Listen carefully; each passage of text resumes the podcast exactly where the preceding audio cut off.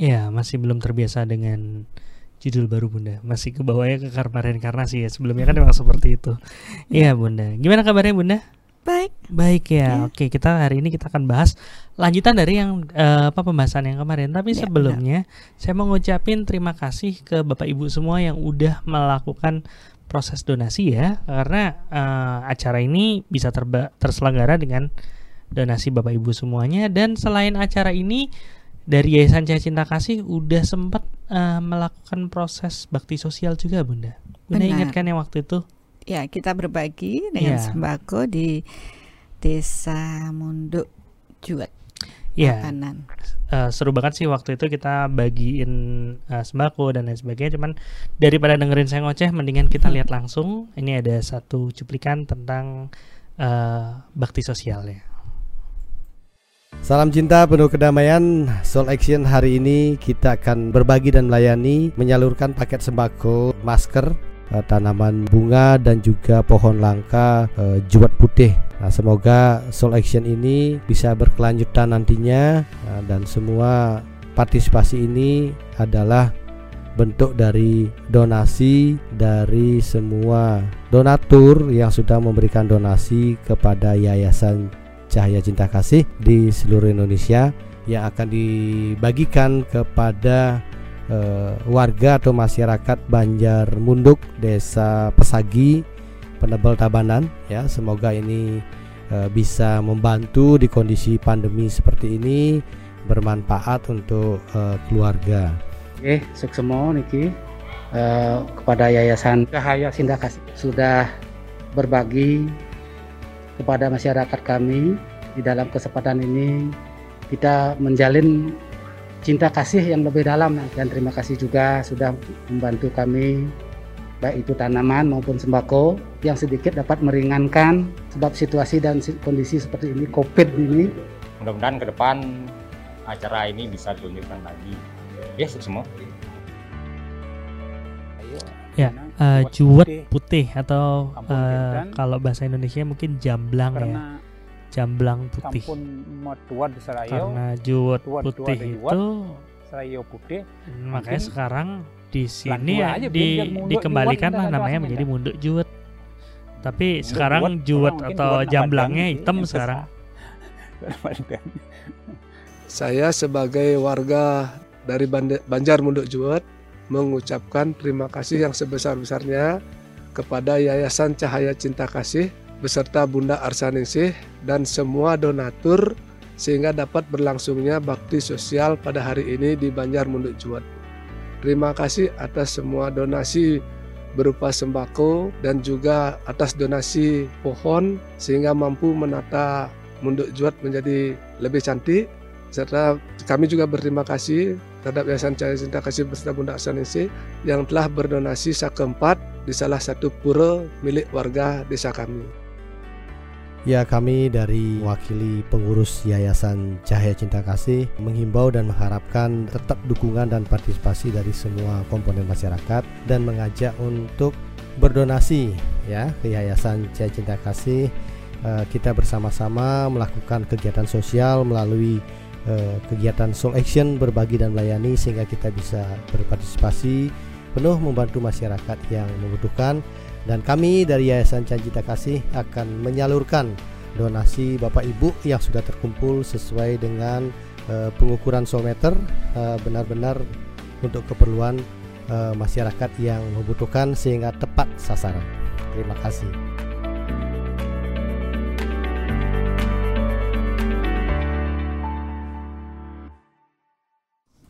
Ya, jadi sekali lagi kita ngucapin terima kasih banget buat Bapak Ibu yang udah berdonasi yang bisa bikin eh, kita bisa terus sharing dan juga kita nggak cuman sharing ini aja tapi juga sharing sembako dan lain sebagainya meringankan beban teman-teman kita yang lain seperti itu ya Bunda ya.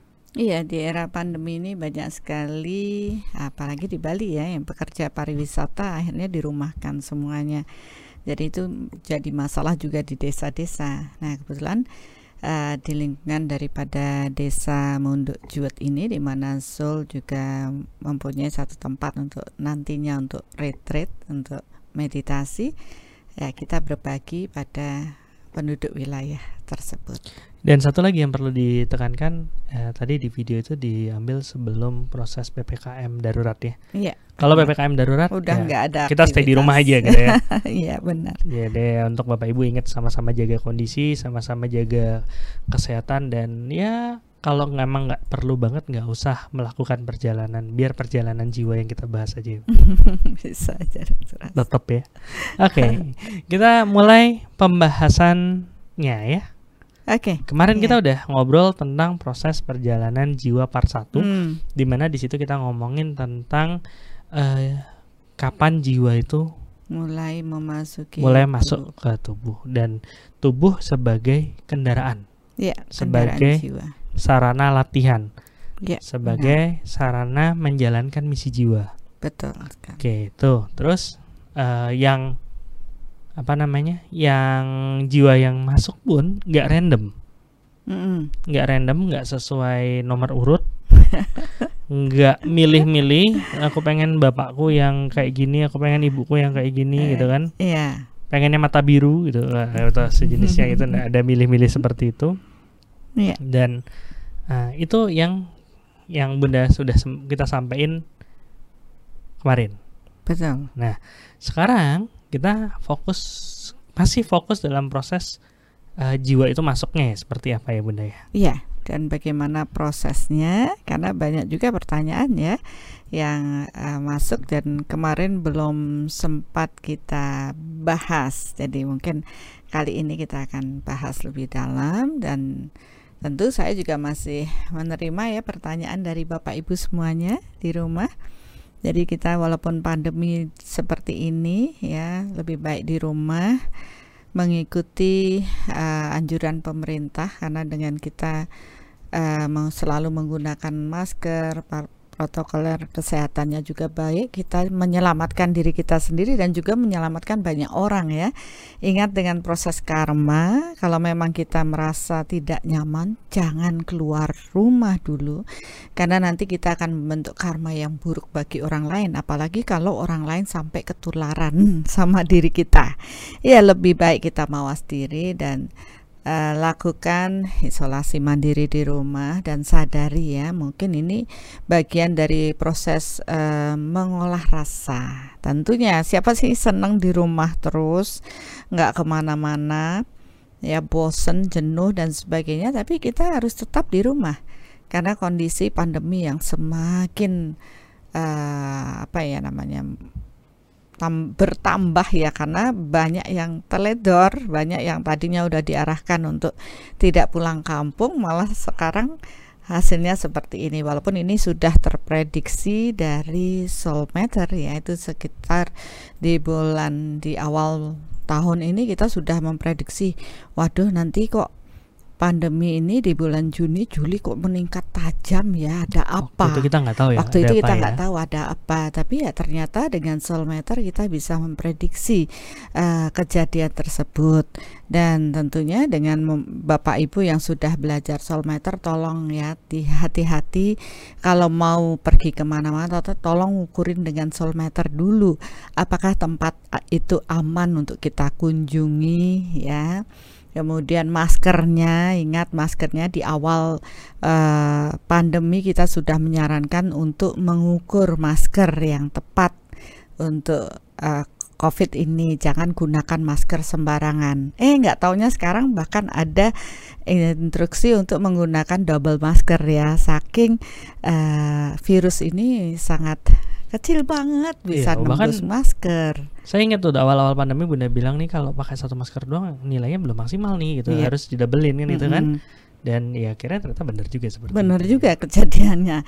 Ya itulah eh, untungnya kita belajar soulmeter. Gunakan, jangan terus ah dapat ilmu tapi tidak di- diaplikasikan dalam kehidupan Bapak Ibu. Itu sangat-sangat eh, berguna sekali ya. Apalagi dengan pandemi tolong tanam eh, top up tabungan kesehatan lebih banyak. Jangan sampai ada yang minus. Karena kalau minus berarti nanti ke- penyakit akan segera muncul dalam tubuh kita. Jangan lupa daily meditation dan juga bagi Bapak Ibu yang belum eh, sampai di workshop Soul Matter ikuti aja ya meditasi online di YouTube Bunda Arsaningsih. Iya kan ada yang Soul Reflection. online soul reflection emang tiap tiap Rebo ada live stream ya. Iya. Tapi yang lama-lama tuh juga masih bisa dipakai kok. Eh, Termasuk yang proses ada yang self healing juga ada. Ada tuh. self healing, Self ada yang meredakan kecemasan dari pandemi ya semua sesuai dengan eh apa ya kondisi masing-masing bisa dipilih nanti. Oke, ya ini banyak yang bilang, oh saya siap belajar, saya siap belajar. Oke, ini ada yang bilang Bunda harus nerbitin artikel-artikel nih. Podcast aja ya. Podcast aja dan lebih langsung ngomongnya. Artikel nanti Artikel pakai ngetik mikir ya, lagi ya. Podcast untuk aja ya. udah- udah. Podcast aja udah banyak ditonton aja. Kalau ada yang butuh tinggal di share aja, kirim linknya kan gitu enak, lebih enak. Zaman Iya. kekinian. Satu lagi, Mm-hmm. eh, mungkin tadi udah sudah ngucapin terima kasih ke teman-teman yang udah support kita dengan proses apa namanya eh, donasi. Donasi. Tapi kita juga ngucapin terima kasih ke teman-teman yang udah support kita dengan proses subscribe ya, karena itu Iya, satu hal yang Benar. penting juga eh, untuk bisa karena semakin banyak di subscribe semakin banyak di like itu akan lebih banyak orang yang akan mendapatkan informasi tentang video-video ini. Nah Nah, ada itu juga bagian juga Iya. menanam karma baik untuk banyak orang ya. ya ini ada nih. Gimana caranya nih? Ad- dulu ada yang bilang kok saya nggak dapat info? Nah mungkin loncengnya lupa dihidupin ya. Jadi habis subscribe sampingnya ada lonceng pilih semua. Nanti setiap ada eh, upload dari Bunda Saningsih muncul deh. Mungkin ya. Oke mulai masuk ke pembahasan aja. Gimana Bunda? Boleh, boleh, silakan. Oke, jadi tadi eh, kita udah tahu kalau misalnya jiwa tuh masuk di usia Tujuh bulan. 7 bulan. Kenapa? Soalnya nunggu eh, kondisi eh, wadahnya, Kematangan, ya. kondisi alatnya ini cukup kuat, cukup bisa survive baru masuk. Masuk. Masuk pun nggak nggak asal ada aturannya. Aturannya adalah kesejenisan Ya, energi. sejenis menarik sejenis. Nah. Ya. Kemarin ada yang bertanya nih, mumpung saya ingat, bagaimana dengan kondisi anak-anak yang lahir cacat? Ya, Iya. nah itu bagaimana kondisinya, bagaimana hukumnya terjadi dengan eh, proses seperti itu. Jadi eh, mungkin ini bisa kita bahas ya, Dokter Asto, bahwa pada saat kehamilan ya baru kit- barusan baru kemarin ya minggu kemarin rasanya kita berbagi di Ba- Ibu Kuat Janin Sehat. Bumil. Eh, Bumil. mah. Ibu hamil ya. Ibu hamil kuat, janinnya sehat. Walaupun itu nggak nggak harus bumil dulu baru ikut iya, ya. ternyata yang buktinya yang yang ikut para para remaja putri yang nantinya juga akan menjadi ibu, kemudian para jomblower, kemudian para pejuang eh, apa nam istilahnya dokter Rakso di- Promil ya. promil ya, program hamil, kemudian para bapak-bapak siaga, wah itu seru eh, apa kelasnya ya. Mudah-mudahan itu mengedukasi kita untuk menyiapkan proses kehamilan ini dengan baik. Jadi kalau lihat podcast podcast ini kita jadi paham ya ternyata proses kehamilan melahirkan menjadi seorang ibu bukan suatu yang mudah ya. Ini suatu rencana alam ya semesta Tuhan untuk menata proses kehidupan di bumi ini. Nah, ini Oke. pun bukan acak ya ranca apa namanya tadi Random gitu. random ya. gitu ng- ngantre meninggal terus baru pokoknya sekarang meninggal sekarang lahir nggak bisa begitu semua butuh proses ya jadi tidak ada yang belum meninggal kok sudah terlahir di sana Nah, nggak ada meninggal. lagi apalagi yang begitu itu sudah nggak mungkin kalau ada yang ngomong begitu apa pembuktiannya gitu Apalagi eh, jiwanya satu masuknya ke, masuknya ke banyak ke oh, 18 gitu ya. Nah itu bisa juga satu tubuh ada dua jiwa. Nah kan bingung ya. Jadi tidak seperti itu. Tetap satu tubuh disiapkan untuk satu jiwa dan kualitas jiwa yang tertarik masuk pada usia kehamilan itu sesuai setara dengan proses-proses pembayaran karma dengan orang tuanya, ya ibu dan bapaknya, ya. Oke. Kemudian eh, kenapa sih harus tujuh bulan? Ya, tujuh bulan itu adalah kondisi yang sempurna, yang sehat, bukan sempurna organnya kan karena kita akan bicarakan dengan masalah kecacatan tubuh tapi dengan proses tujuh bulan itu sudah sempurna untuk fisik berkembang dan juga energinya cakra-cakranya di dalam uh, bayi itu sudah siap seandainya Berarti- dilahirkan itu sudah bisa hidup Berarti siap eh, tubuh fisik maupun tubuh energinya. Mm-mm. Tubuh energi ya mungkin orang bilang apa taunya cakra, meridian segala macam Iya, tuh siap itu juga sudah udah mulai siap, siap. juga ma- sudah siap untuk lahir. Bagaimana dengan usia prematur? Nah itu perkecualian karena akhirnya tidak semua yang prematur dapat bertahan hidup ya. Berarti kalau yang mereka bisa bertahan hidup ya jiwa yang spesial ya istilahnya sebelum tujuh bulan eh, sudah tertarik masuk sehingga pada waktu dilahirkan itu bisa bertahan hidup seperti itu. Ya itu tadi pertanyaan yang sangat bagus juga dari Mbak Mm-mm. Yuni Kasih yang tadi udah ditampilkan.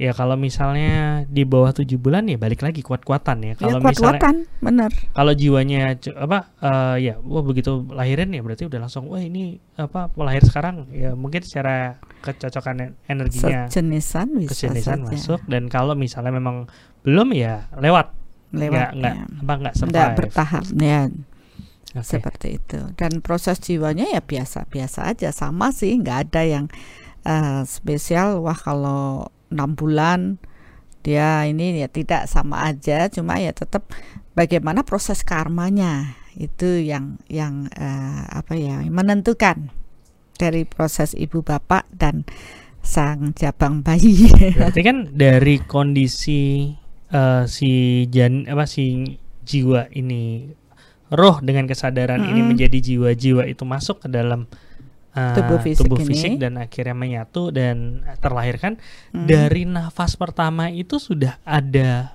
karma. Sudah, karena mereka sudah membawa dalam rekaman jiwa sebelum terlahir. Ya, pada saat itu eh, ada hukum kesejenisan tarik menarik ini yang men- membuat eh, roh dan jiwa ini ya jiwa aja ya kita bilang karena di dalam jiwa itu ada roh gitu ya kesadaran murni ada jiwa yang melengkapi dengan karma baik atau karma buruk yang dia bawa rekaman jiwa kita sebut Nah, dalam kondisi ini ada yang bertanya kan bagaimana kalau kenapa anak lahirnya cacat ya? Bagaimana proses kecacatan itu dibawa?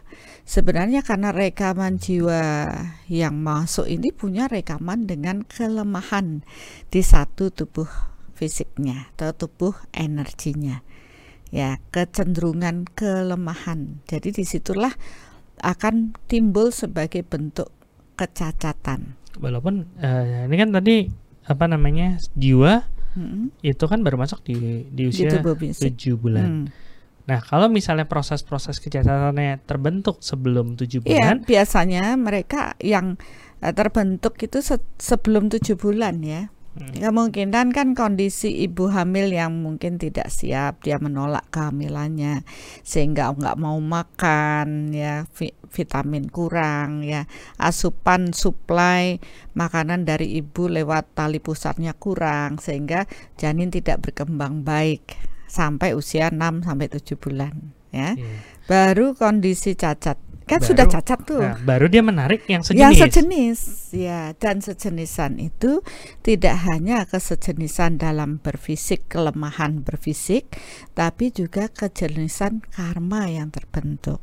Oke, jadi eh, ada yang bilang kan, oh, jiwa itu masuk pasti dari awal. Buktinya ada ke orang yang cacat karena du- di kehidupan dulunya gimana-gimana gitu kan. Mm-mm. Jadi cacat berarti dari awal si jiwa ini sudah mengorkestra bahwa oh ya nih tangan kanannya cacat aja deh kan gitu misalnya. Hmm. Tapi tidak seperti itu ya. Tapi Tidak kondisi itu. yang tidak apa tidak lengkap itu kondisi yang ada kelemahan-kelemahan itulah yang menarik Menarik jiwa-jiwa jiwa yang ke- sesuai dengan dengan prosesnya. dengan prosesnya. Oleh karena itu kenapa mulai dari awal kehamilan kalau memang menghendaki anak yang suputra, soleha, soleh ya ya anak yang baik. Ya mulai dari awal pikirkan hal tersebut. Menyiapkan eh, untuk sang jabang bayi terlahir dengan sempurna. Ya, menarik jiwa-jiwa yang bercahaya. Tentu sang ibu pun dalam kondisi proses spiritual yang baik ya sehingga yang turun adalah jiwa-jiwa yang bercahaya Karena hukumnya adalah sejenis menarik sejenis. Ya, kalau ibunya pada ibu dan ayahnya tidak siap secara mental berantem aja selama, selama kehamilan, belum lagi niat menggugurkan, tapi nggak gugur-gugur, akhirnya cacat. Nah, akhirnya ya kesejenisan dengan emosi dan semua penye, uh, penyelesaian karma ini menarik jiwa yang demikian. Nah, ini yang menarik, Bun. Dari hmm. Rinili. Bunda, kenapa jiwa bisa cacat? Yang cacat kan bukan jiwanya ya? Yang cacat itu tubuh fisiknya. Yang cacat itu tubuh fisiknya. Tapi yang jiwanya tidak eh, jiwanya mungkin dari proses jiwa ini kan ada rekaman dari kesadaran okay. yang dia lakukan bertumbuh. Roh ini kan kesadaran yang murni. Ya, di awal penciptaan sebagai manusia roh itu kesadaran yang murni. Tapi kemudian dengan proses karma ini, akal budi kehendak bebas, dia menentukan uh, rekaman-rekamannya dan ini melingkupi daripada roh tersebut. Ini ada tubuh fisik, roh, kemudian ditambah uh, apa secara kesadarannya dia membentuk karma baik atau karma buruk kan ngumpul nih jadi satu. Jadi jiwa. Jadi jiwa. Tapi fisiknya kan terus uh, lahir mati kan dia tidak lagi mengikuti proses jiwa. Jiwa tidak pernah mati, tapi fisik aja yang berga, ber, berganti ya, casingnya berganti, tapi jiwanya tetap. Nah dari rekaman tersebut tentu ada hal baik ataupun hal buruk yang dilakukan oleh jiwa itu di past life. Berarti itu juga dibawa. Itu dibawa. Jadi enggak apa ya? Kan orang bilang kan uh, terlahir sebagai kertas putih gitu? Oh tidak. Berarti nanti kita telepon Biu minta sudah revisi. tak pesen nih. Oh gitu. Ya. Jadi orang datang itu nggak benar-benar datang suci banget nggak ada. Nggak, nggak ada. Tapi dia sudah membawa. Iya. Rekaman-rekaman sudah membawa proses-proses yang emang dibawa dari kehidupan sebelumnya. Ya, karena kita bicarakan ini adalah proses mulai dari awal kehidupan sebagai manusia hingga reinkarnasinya, maka ya kita baru bahas seperti itu. Tapi kalau nanti kita bahas dari muasal manusia ini terlahir, pertama kali jadi manusia, itu rekamannya dari mana? Nah, itu nanti kita bahas berikut. Masih menjadi Masih misteri. misteri. Oke. Jadi ya itu tadi ya. Tadi ada nanya kan uh, apakah ada perilaku uh, pengaruh uh, kecacatan itu sama perilaku ayah ibunya kayak motong rambut, motong hewan dan larangan itu sebenarnya proses kesejenisannya itu ya bunda? Iya kesejenisannya bukan hanya ya kalau beberapa itu kan nggak boleh potong rambut, potong hewan, potong lainnya. Sebenarnya bukan masalah potong memotongnya, toh kita juga makan hewan terus dari mulai hamil sebelumnya kan sudah melakukan. Yang menjadi permasalahan adalah karma, rekaman karma yang terbentuk dengan me, apa proses melukai orang lain dahulu di past life melakukan tindakan perbuatan yang meng mengakibatkan kecacatan atau hal-hal yang merugikan orang lain. Ya, hukumnya kan dia akan menerima buah dengan ngurus orang-orang yang eh, pernah dia lukai dulu. Ya, jadi hukumnya adalah seperti itu. Sehingga ini datang dan kita harus merawatnya harus merasakan penderitaan yang dulu dialami oleh orang tersebut. Ya menjadi seorang ibu dengan anak yang menderita itu kan sesuatu banget ya. E, sebenarnya bukan bentuk karmanya yang sama yang kita terima, tapi takaran penderitaannya yang sama yang akan kita terima.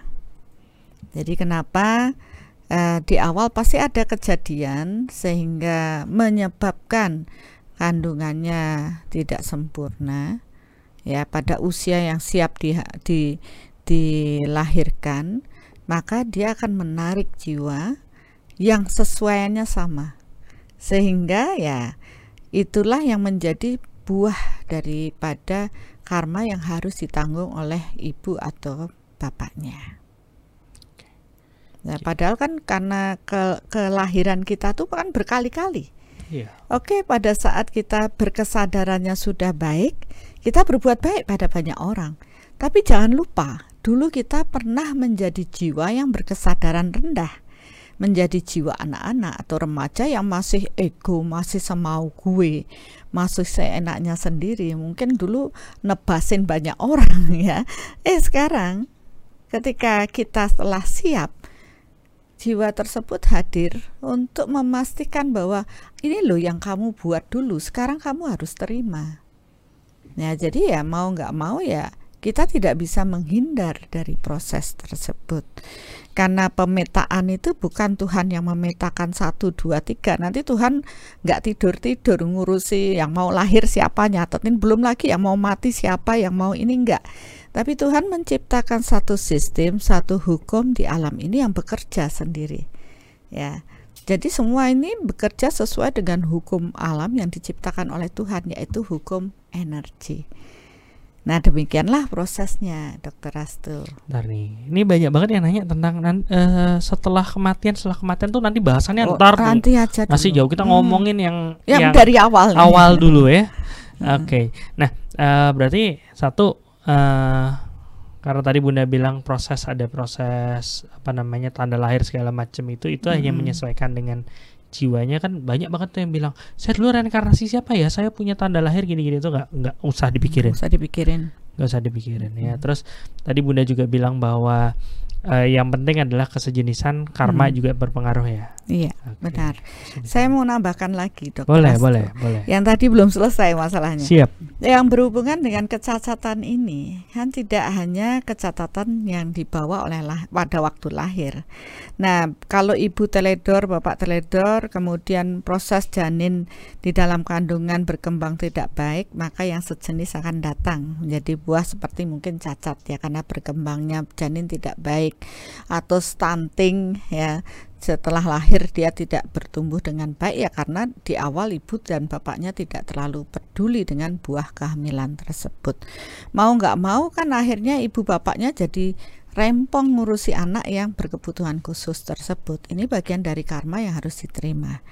Tapi tidak menutup kemungkinan karma itu akan datang. Waktu lahir dia sempurna. Nggak ada kurang kelihatannya tapi begitu kita di empat aspek ada yang terukur, waduh bawaannya itu kok sudah minus empat. Kita sudah berpikir minus empat dengan kesehatan. Ada apa di balik itu ya? Ternyata di kemudian hari dia kecelakaan lah, bermasalah lah, akhirnya cacat lah dan sebagainya. Ternyata benih karma tersebut sudah terekam pada proses jiwa dan itu yang terukur ketika kita di empat aspek. Mengukur masing-masing aspek itu sudah ter, tercatat gitu. Maka ya tidak menutup kemungkinan kecacatan atau penyakit itu akan muncul setelah proses dilahirkan. Oleh karena itu ya ketika ibu hamilnya ini benar-benar menyiapkan dengan baik ya fisiknya baik mentalnya juga harus kuat harus baik agar mampu menarik jiwa-jiwa yang memang uh, secara mental, emosional dan spiritual itu sudah baik. Empat aspek nilainya sudah bagus.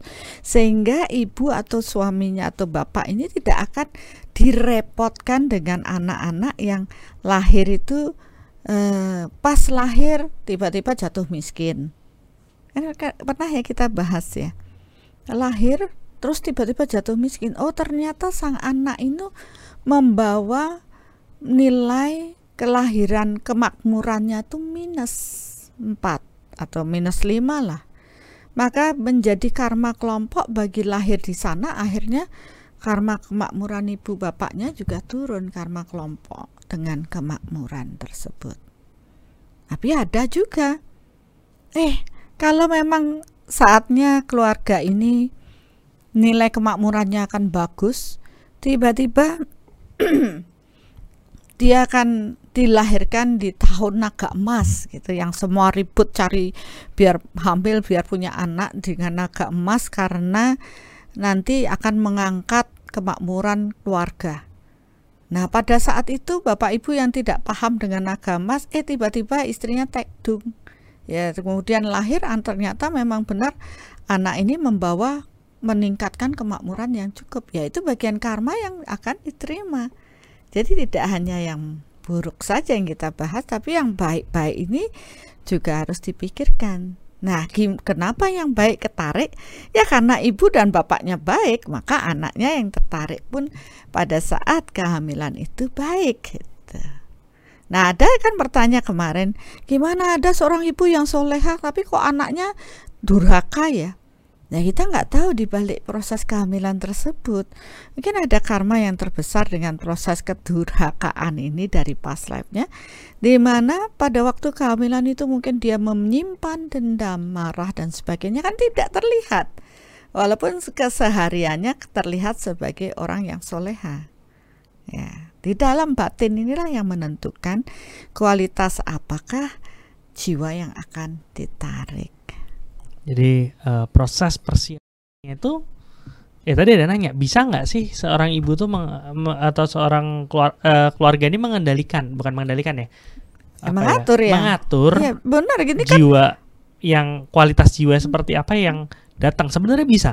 Bisa. Ini kan bagian dari uh, Tuhan telah memberikan manusia akal budi dan kehendak bebas untuk menentukan jalan hidupnya kalau saya ingin punya anak nanti, ya saya bersyukur sih kalau sekarang yang mendengar pembelajaran ini adalah para remaja yang mau siap dengan perkawinan, kemudian uh, mempunyai anak. Tolong disimak dengan baik dan tentukan kualitas yang terbaik untuk keluarga kalian. Jadi keluarga berencana nggak? Cuman ngerencanain Berencana, jumlah anaknya aja. Jumlah anak, tapi kualitas anak itu juga harus diperhatikan.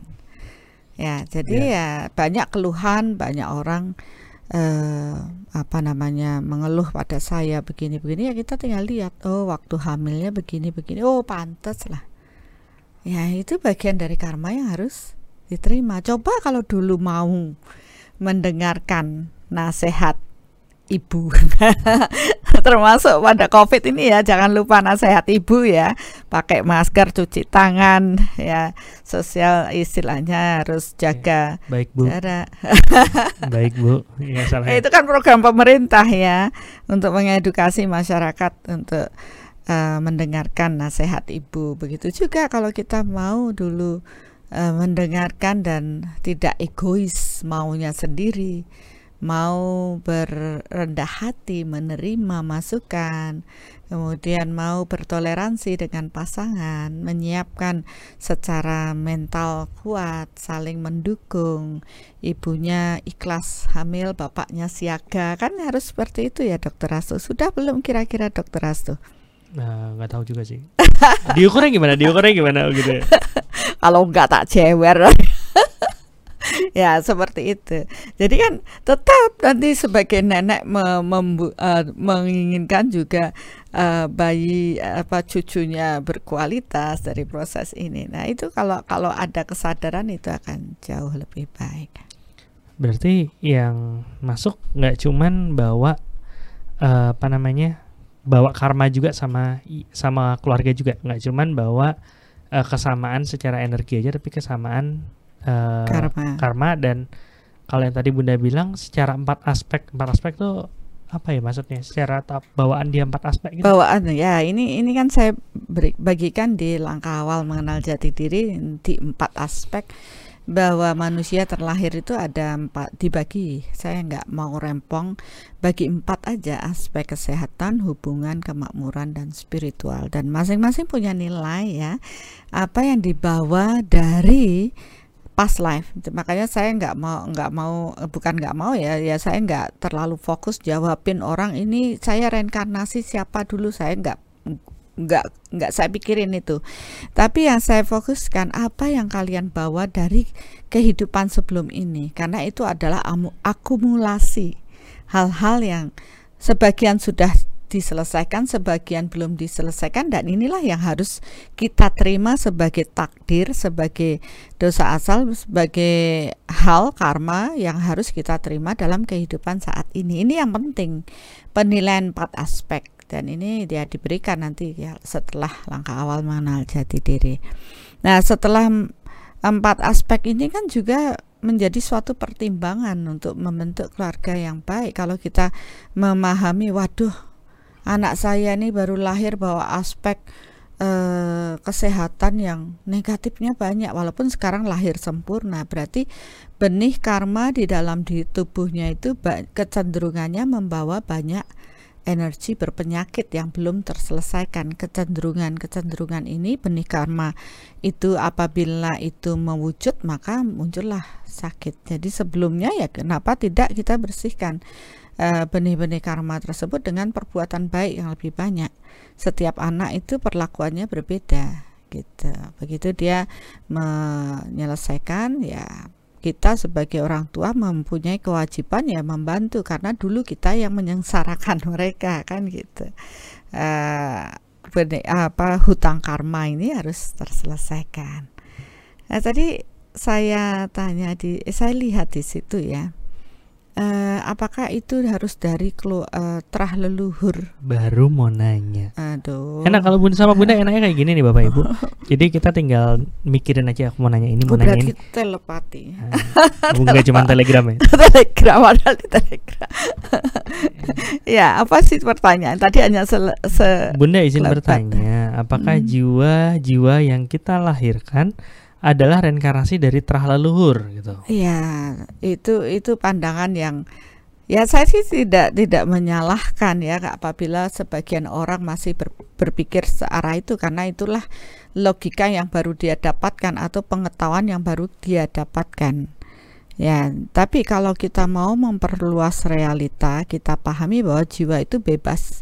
Bukan hanya dari terah leluhur itu saja yang turun ya bahkan saya dapatin oh ini uh, jiwa ini bukan dari terah leluhurnya tapi dari dari Prancis. Ya pernah saya lihat. Oh dari Prancis nih. Eh nggak taunya bener ya dia fasih banget ngomong bahasa Prancis. Ya kok kayaknya homi banget di Prancis. Eh tahu taunya ya memang jiwanya dulu dari sana datang ke Indonesia. Impor ada yang jadi Inggris. Loh kok bisa bunda anak saya nggak bisa bahasa Indonesia? Dan saya mikir ini lahir jebrol mamanya itu langsung ngoek-ngoek yang ngomongnya bahasa Indonesia. Tapi anaknya nggak bisa ngomong bahasa Indonesia.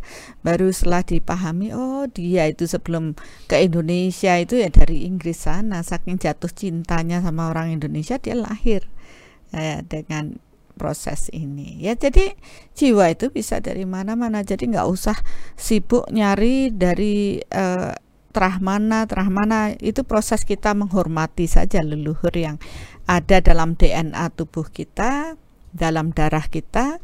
Kita memberikan penghormatan dengan proses itu. Tapi bukan berarti mereka-mereka yang dari leluhur dari terah laki-laki saja yang boleh lahir tidak. Nah terus yang terah perempuan terus gimana ceritanya?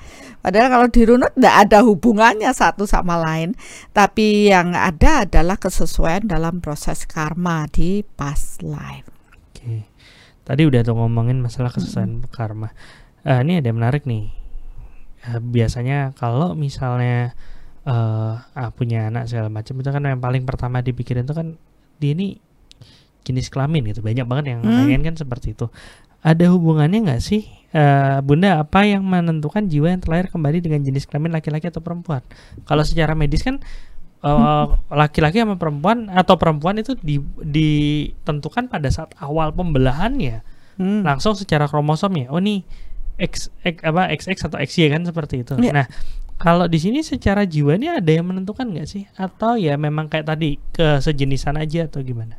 Iya, uh, jiwa itu tidak laki dan tidak perempuan. Ya dia bisa jadi laki dia bisa uh, secara berfisik setelah dilahirkan itu bisa laki bisa perempuan ya. Padahal jiwanya tidak berjenis kelamin. Jadi di sini banyak sekali kita lihat kecenderungan bahwa uh, ini cewek tapi tomboy banget gitu.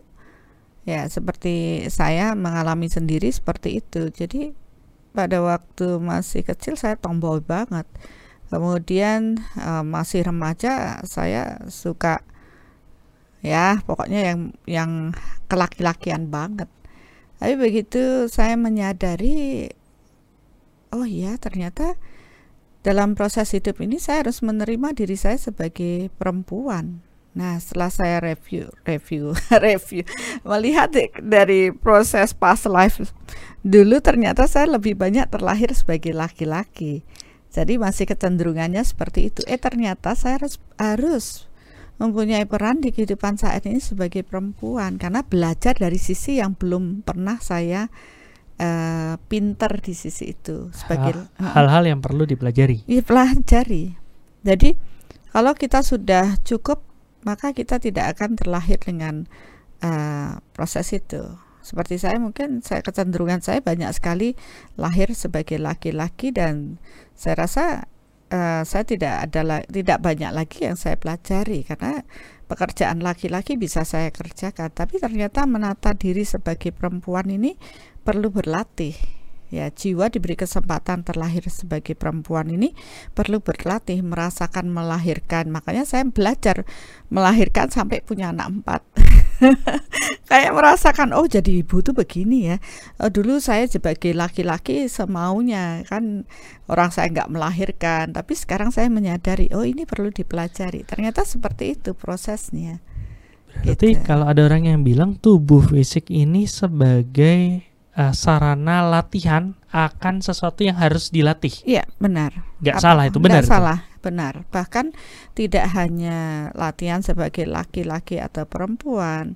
Kita di sini itu kan berlatih pendewasaan jiwa ya. Ini pendewasaan jiwa melalui dengan tubuh fisiknya.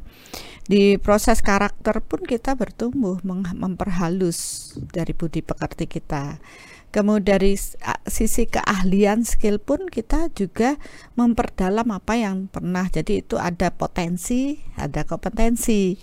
Ya potensi dibawa dari proses past life kecenderungannya. Nah, sekarang kita berlatih lagi lebih lebih dalam lagi. Rekaman di proses past life kalau kita lanjutkan sebagai misi jiwa ini, tentu kita tidak lagi kebingungan karena role jalannya sudah terpetakan. Tapi kalau ma manusia ini terlalu banyak ngide, ah pingin ini, pingin itu, pingin itu, saya ingin begini, ingin begitu kayak Doraemon. Ya akhirnya nggak selesai-selesai lahir di dunia ini karena bisanya cuma saumprit, saumprit, saumprit, saumprit, nggak ada yang expert di situ. Ya, jadi lebih baik ya kita mengikuti dari pemetaan proses masa lalu dengan eh, kebenaran Tuhan ini kita memper apa ya menyempurnakan dari apa yang dulu pernah kita lakukan yang belum sempurna. By the way ada yang muncul nih Bunda, ada yang nongol hmm. Bersyukur ketemu Bunda dan Sol jadi paham tentang jiwa kenapa anak saya lahir nggak bisa bahasa Indonesia. Ada juga ya. Bersyukur sekarang Akhirnya. udah mulai paham bahasa Indonesia meskipun belum maksimal memori. ya nggak bisa kenapa? Karena nggak pernah latihan di iya, sebelumnya. Iya, karena latihannya nggak banyak. Skill yang gitu. baru dipelajari sekarang gitu aja. Makanya iya, dia kan bener. perlu waktu uh, apa? Beradaptasi, beradaptasi. mempelajari Maaf ya Sandra saya gunakan contoh tapi itu real istilahnya saya tidak asal jeplak saja ber, berbicara berdasarkan dasar memang itu ada terjadi jadi nggak pakai mengarang ini ada yang lucu juga uh. nih Bun. Bunda izin bertanya, kalau anak itu lahir dari perkawinan campur dua negara, itu apakah si anak itu ada karma dengan dua negara tersebut? Eh sudah pasti berhutang ya. di neg dua negara gitu. Iya, benar. Pasti ada memorinya. Bayangin manusia manusia tuh lahir berapa kali sih reinkarnasi? Seri, itu ribuan ya, bisa seribu sekian, bisa dua ribu. Itu bayangin sudah melanglang buana ke mana-mana gitu. Jadi ya pasti ada eh, penyelesaian-penyelesaian karma yang harus dia lakukan. Mungkin tidak hanya dengan ibu bapaknya, habis itu terus dia bekerja di tempat lain adalah juga yang mungkin uh, kayak ada sekolah di Melbourne. Ya ternyata dia punya rekaman di Melbourne sana. Jadi dia pun menyelesaikan karmanya di sana. Gitu. Itu kayak uh, mungkin kalau mau yang lebih detail di situ ada uh, podcast karma reinkarnasi dan misteri suatu tempat kalau nggak salah iya, judulnya benar. sama ada karma reinka eh ya uh, cerita di balik satu tempat kalau nggak salah. Nanti Mbak Rina mungkin bisa dibantu linknya ya. Oke, terus nah jadi tadi udah ada prosesnya tadi eh, ini ada yang ada yang eh, bilang Bunda kelihatan anggun kok nggak kelihatan tomboy. Mana tadi ada yang, ada yang bilang kayak gitu. Ah masa itu berat eh, hasil dari usaha keras karena dulu terlalu tomboy dan sekarang menyadari oh ya saya memang harus bersyukur dengan tubuh saya dan saya belajar dengan banyak aktivitas.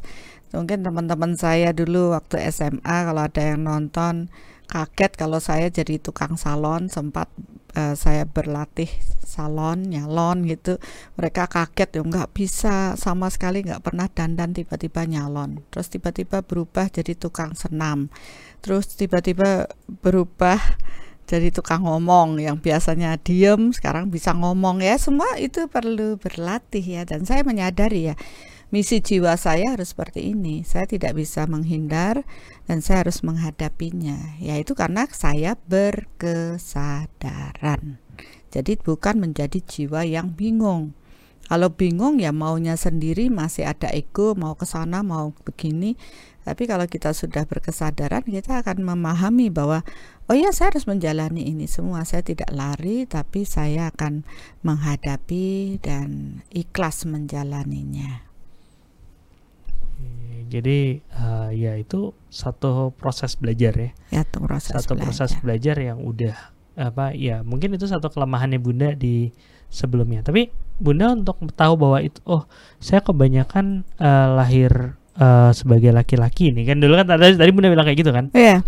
itu berapa kali maksudnya pas life gitu berapa kali gitu? Eh, ya ya tidak semua orang itu kan mempunyai pengingatan akan proses itu. Tapi kebetulan kalau saya bisa eh, mempunyai ya mungkin kelebihan di situ.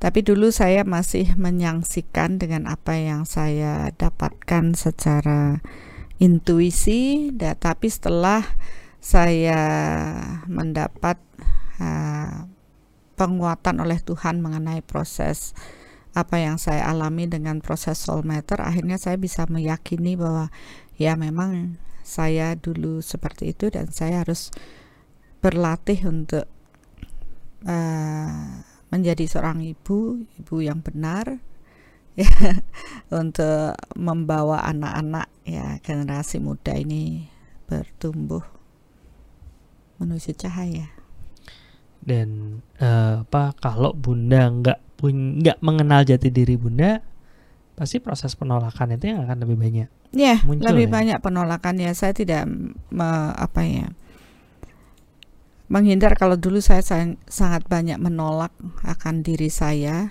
dan menimbulkan stres berkepanjangan dan akhir penyakit juga ya kebetulan rekaman itu juga banyak di dalam tubuh saya maka saya belajar dari diri saya apa sih yang dibawa oleh jiwa ini? Ternyata banyak sekali benih karma yang dibawa. Jadi saya mulai me- mengamati dan tahu oh seorang anak itu membawa benih karma yang dibawanya entah itu baik dan buruk yang akan dapat terukur ya dengan kecenderungan-kecenderungan mereka.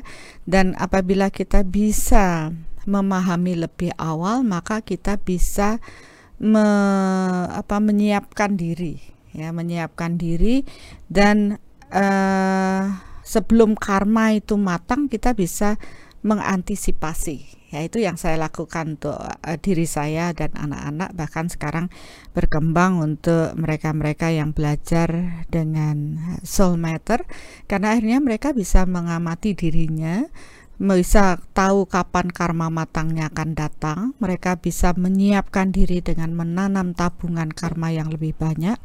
Dan ketika karma itu matang dia akan siap ikhlas tidak menolak tidak eh, bereaksi negatif atas karma matangnya.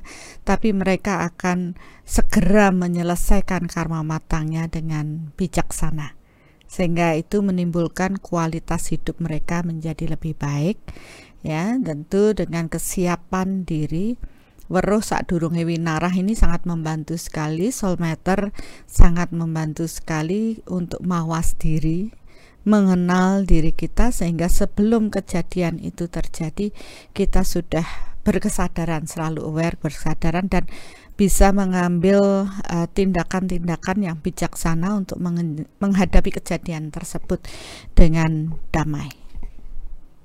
Panjang ya. Disuruh ngulang lagi nggak bisa. Eh, karena memang tidak ada skrip. Kepanjangan. Tidak ada skrip. tidak ada skrip. Nah, sekarang pertanyaannya Bunda. Tadi kan Bunda bilang, "Oh ya, kalau kita kalau kita benar-benar tahu jati diri kita, kita bisa eh, meng- mengatur proses kita jadi Hmm. jauh lebih Hmm. mudah." Ya, benar. Termasuk karma-karma yang terbentuk antara anak-anak dengan orang tuanya. Ya, Termasuk karma-karma yang Iya. terbentuk. Benar, pada waktu mereka akan dilahirkan kan sang bapak dan ibu ini membentuk suatu karma yang membuat jiwa ini hadir dalam kehidupan mereka. Ya ada jiwa yang tidak ada connect sebelumnya itu lahir pada orang tua ini tidak ada. Biasanya mereka yang dilahirkan dari pasangan tersebut adalah jiwa-jiwa yang di kehidupan dulu sudah saling berhubungan entah itu baik atau buruk. Ya. Sehingga pada waktu kehamilan ini sang ibu ini bisa menyiapkan diri. Ah, saya akan menerima jiwa-jiwa yang baik ya. Tentu dengan hal-hal yang bisa dia lakukan, mengolah rasa yang baik sehingga keter- kesejenisan ini menghadirkan jiwa-jiwa yang baik dalam kehidupan. Tapi bagaimana dengan sudah terlanjur Bunda? Waktu saya hamil itu ah saya itu jutek banget marah-marah dan benar anak sekarang itu jutek banget anak saya yang saya lahirkan. Bisakah kita menyelesaikan? Bisa. Ya dengan konsep energi ini eh, kita paham bahwa anak itu menjadi buah karma kita yang harus kita terima, maka selesaikan dengan damai yaitu dengan proses meminta maaf dan memaafkan dan meradiasikan cinta pada anak kita karena itu hutang cintanya yang belum terselesaikan. Jadi di Soul ini kita akan mengajarkan bagaimana kita menyelesaikan hutang-hutang cinta kita pada anak kita, keluarga kita, orang tua kita, ya saudara, keluarga sedarah maupun orang-orang yang uh, kita temui dalam kehidupan sehari-hari karena tidak ada yang pertemuan itu baru sekali saja, pasti ada keterkaitan karma di past life. Di eh, nggak ada yang kayak apa? Nih eh, anak nih nggak gini banget, nggak ada hubungan sama saya tuh nggak ada ya. Nggak ada. Jadi ya dia jadi jadi anaknya ya karena memang ada satu proses yang, Yang harus kuat. Oke, Nah. yang kuat yang harus Terima, diselesaikan, hmm, diterima. diselesaikan ya. Berarti kalau kayak gitu sama orang tua lah, lahir anak sama orang tua tuh berarti karmanya Kuat. bisa jadi nggak bagus dong. Ya, karena ya maaf ya ba- banyak orang mengatakan eh, surga itu ada di telapak kaki ibu ya, di mana eh, dia ibu ini harus dihormati karena sudah melahirkan, ya istilahnya begitu. Tapi padahal sebaliknya menjadi seorang ibu itu adalah menerima karma yang terburuk yang pernah dia buat. Menjadi ibu adalah ka- menerima karma terburuk. Iya. Kenapa? Karena seorang ibu yang hamil itu susah. Ya, istilahnya susahnya waktu hamil aja s- beratnya satu kilo. Hmm. Udah itu waktu melahirkan lebih susah. Itu 10 kilo. Ya, satu tambah 10 kilo tak sudah 11 kilo. Udah itu perjuangan waktu setelah melahirkan. Belum menyusui, belum eh, bangun malam-malam begadang itu sudah 20 kilo. belum.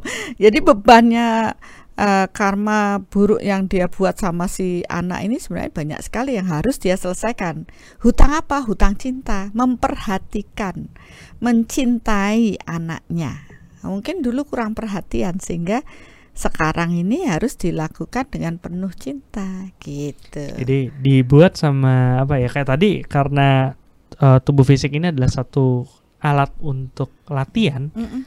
dari apa akan sesuatu yang harus kita pelajari bisa jadi ya Tuhan pengen kita latihan untuk mencintai Hmm. anak ini makanya ya diaturlah skenario nya jadinya Skenario-nya seperti itu sebenarnya bukan skenario yang dibuat Tuhan bukan, tapi alam ini yang memetakan ya sesuai dengan kesejenisan. Secara apa ya karena memang dengan hukum-hukum yang sudah diatur Iya. ada kesejenisan orang ini Ah, tuh lahir lahir turun. sebagai eh, anaknya yang mau nggak mau, Mau dia berlatih kan, berlatih untuk menerima. Ya sekarang tergantung apakah dia membentuk mem- membayar hutangnya dengan bijaksana dengan membentuk karma baik menyelesaikan hutangnya atau malah nambah hutang yang lebih buruk lagi. Bisa kan? Bisa aja misalkan jadi ibu terus akhirnya tidak peduli sama anaknya, tidak mencintai, menyia-nyiakan anaknya, bisa aja. Jadi saya juga nggak semua ibu surga itu di telapak kaki ibu. Kalau saya bilang ya, ya kalau kita durhaka sama Tuhan itu baru kita nggak dapat, eh, tidak bisa kembali pulang ya. Nah, kalau syukur ketemu ibu kita yang baik ya mungkin memang bisa dikatakan demikian. Nah, kalau ibu ini tidak bagus sama anaknya ya bisa-bisa besok lahir lagi, ketemu lagi walaupun tidak terus menjadi ibu dan anak. ya se- seperti itu. Nah, tapi ini ada yang menarik bun. Hmm, Nggak, saya nggak ngerti sih. Eh, pertanyaannya ini hmm. agak ajaib menurut saya, tapi worth untuk ditanyain. Bunda, kalau semua ibu-ibu diharapkan sama ya? melahirkan anak yang baik, tangguh dan gigih, siapa yang akan melahirkan anak yang kebalikannya? ya? Eh, tapi buktinya yang belajar untuk menjadi ibu yang siap melahirkan anak yang tangguh dan gigih itu cuma sedikit. Paling cuma 20% dari seluruh bumi ini. Karena pelajarannya susah. Lebih banyak yang tidak tangguh dan bermasalah. Sehingga di bumi ini yang proses bertumbuh secara spiritual baik ya tidak banyak gitu sesuai dengan zamannya. Kalau pas zaman kegelapan pasti emosi dan semuanya akan muncul. Dan yang terlahir yang begitu-begitu saja termasuk kita. Mungkin bagian dari yang belum selesai waktu di past life. Tapi ya itu tadi masih banyak kok malah lebih banyak prosentase ibu-ibu yang cuek bebek, yang tidak penuh cinta, yang menolak kehamilannya, yang ruwet, yang mikirnya masih susah dan sebagainya ya anak yang bersejenisan itu pun lahir di situ. Maaf misalkan orang yang sedang yang sangat miskin sekali ya kan susah untuk hidup dan sebagainya pasti pada waktu hamil pikirannya juga ruwet susah bagaimana mereka bisa damai dengan kondisi kehidupan yang seperti itu. Maka mereka pun menarik jiwa-jiwa yang sebenarnya apa yang harus dipelajari sih? Ayo berbagi jangan pelit-pelit. Nah selama dia tidak menanam kemakmuran yang banyak di past life maka mereka pun akan terlahir pada mereka-mereka yang kekurangan secara materi. Kan hukumnya sudah pasti. Berarti ah, nih, apakah ini menandakan banyaknya jiwa anak-anak dan remaja? Ya benar Jadi ya eh, balik lagi, Hmm. walaupun di apa namanya, walaupun di edukasi kayak gimana, nggak mungkin sampai 100% semua di level itu gitu ya bunda ya. Ya. Jadi ya walaupun orang yang mungkin dia sudah sudah mulai ada ketertarikan, tapi kalau eh, perlu latihan, ada yang Hmm. ada yang sebelum-sebelumnya udah latihan, sekarang udah terlatih bisa eh, apa memproses dengan sangat baik. Ada yang benar-benar baru latihan sekarang ya tentu proses latihannya perlu waktu. Ma- perlu waktu. Oleh karena itu kan kita ada konsep bahwa ketika murid siap pembelajaran akan datang. Ya proses wak- butuh waktu itu kan terkembali pada proses niat nggak bertumbuh. Ya seperti langkah awal mengenal jati diri. Nah, kalau dia niat bertumbuh ya dia akan diangkat pada pembelajaran yang lebih dalam lagi. Tapi kalau tidak membiarkan egonya bertumbuh ya ya udah begitu-begitu aja. Makanya kenapa ada sampai ribuan kali lahir? Kenapa? Karena mereka malas bertumbuh. Mereka masih memuaskan egonya, kemelekatannya dan banyak hal. Itu yang tadi tadi yang Iya. kemarin tak bilang di perjalanan jiwanya dia bukannya fokus ngelangkah ke depan tapi malah mandek sama kudapan ya malah Iya. malah mandek sama Asik, ngurusi, ngurusi- ngisi perut aja. ngurusi hal-hal yang bukan misi jiwa utamanya gitu Benar, seperti itu seperti itu. Nah, terus kan pertanyaan eh, apa namanya? Kalau memang kita sudah mulai nyadar, oh ya, Hmm. eh, aku punya punya misi jiwa nih, punya punya proses perjalanan Hmm. jiwa yang harus dilanjutkan terus Hmm. untuk belajar dan terus belajar, harus mulai memperbaiki kan gitu. Mm-mm. Nah, proses memperbaiki itu kan salah satunya dengan proses mengenali diri itu ya, Bunda. ya? Iya, benar. Jadi ya proses mengenali diri adalah sesuatu yang sangat penting supaya kita tidak ya itu tadi lambat ya, tidak bertumbuh, tidak eh, mengenal dirinya, terus semakin banyak ruwet diciptakan, akhirnya dia reinkarnasi, bolak-balik reinkarnasi. Nah, bagi mereka yang mengenali diri ya tentu mereka akan cepat menyatu dengan kekuatan Tuhan, sadar bahwa oh iya saya harus kembali pulang. Nah, ini yang masih bingung-bingung ini perlu diedukasi kan gitu. Ya kayaknya ya tapi saya bersyukur ya dengan banyaknya mereka yang eh, mulai terbuka, mulai banyak belajar ya seperti di podcast ini saya lihat banyak yang rutin untuk hadir pada waktu pembelajaran. Ya saya sangat hargai.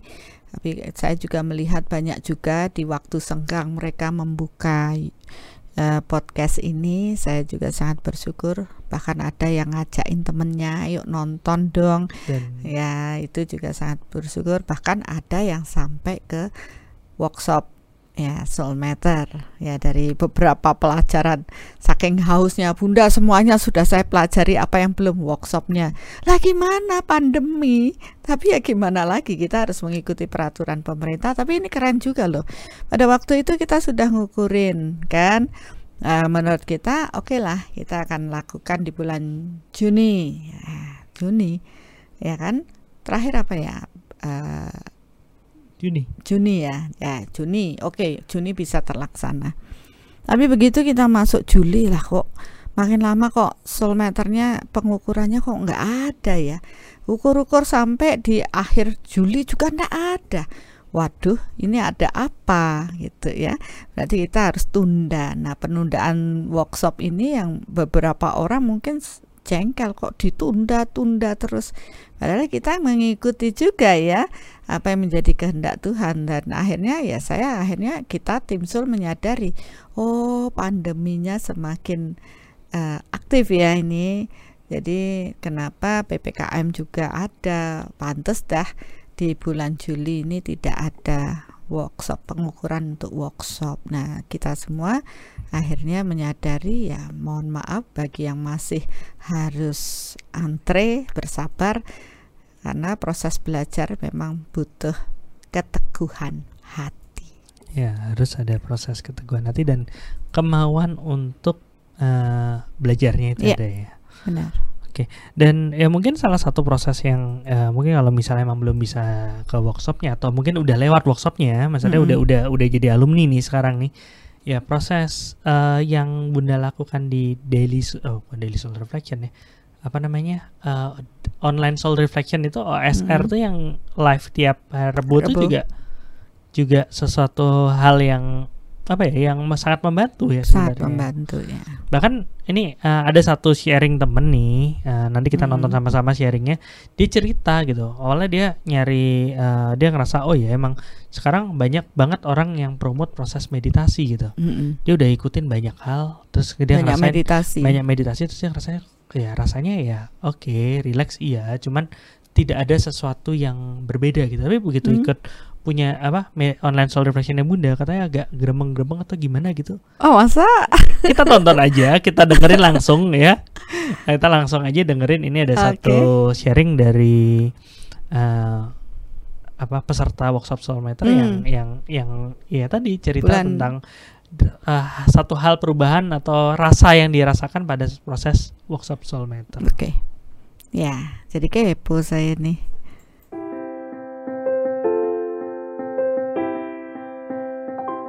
Nama saya Olivia Alfriana dari Jakarta.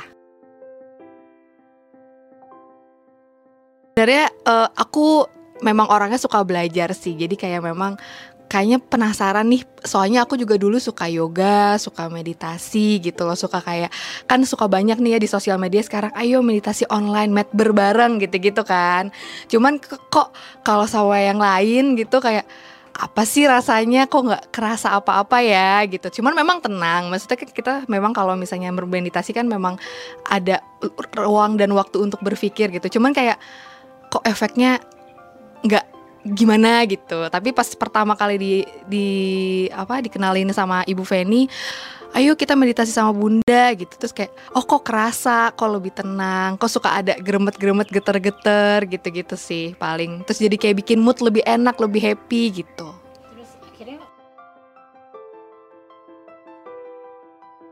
Eh sebenarnya so far dari yang di- diberikan itu memang kita oh memang sih intinya kita harus belajar sabar lebih legowo berserah gitu kan ya. Caranya seperti gitu. Memang kita kayak oh emang semua ini udah ada yang ngatur energinya sudah berjalan semua jadi lebih kayak ya lebih menerima sih gitu. Jadi kayak dan ini merasakan perasaan lebih menerima dan logo ini ternyata it's nice gitu jadi kayak oh selama ini memang kalau emang ada kejadian atau memang ada peristiwa apa ya memang jangan dilawan gitu sih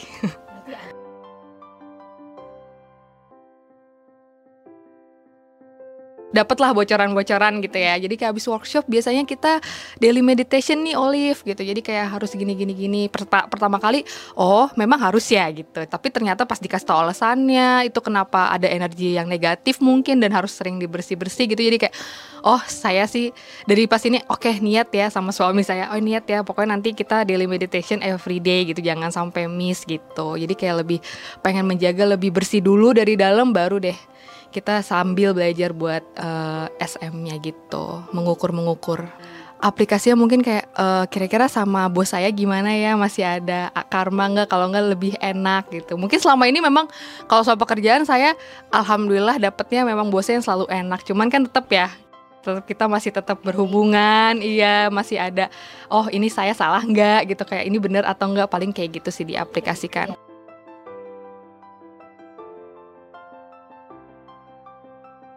Jadi mungkin nanti kalau ada yang kepo atau yang pengen tahu mungkin aku bakal ya, pasti aku akan ajak sih karena ini berguna banget sih pasti. Mari bertemu bersama Soul is Solution. Oke, ya tadi udah sharingnya Mbak Olivia ya. Bener ternyata. Ternyata ya. bener ya, menarik sih gitu.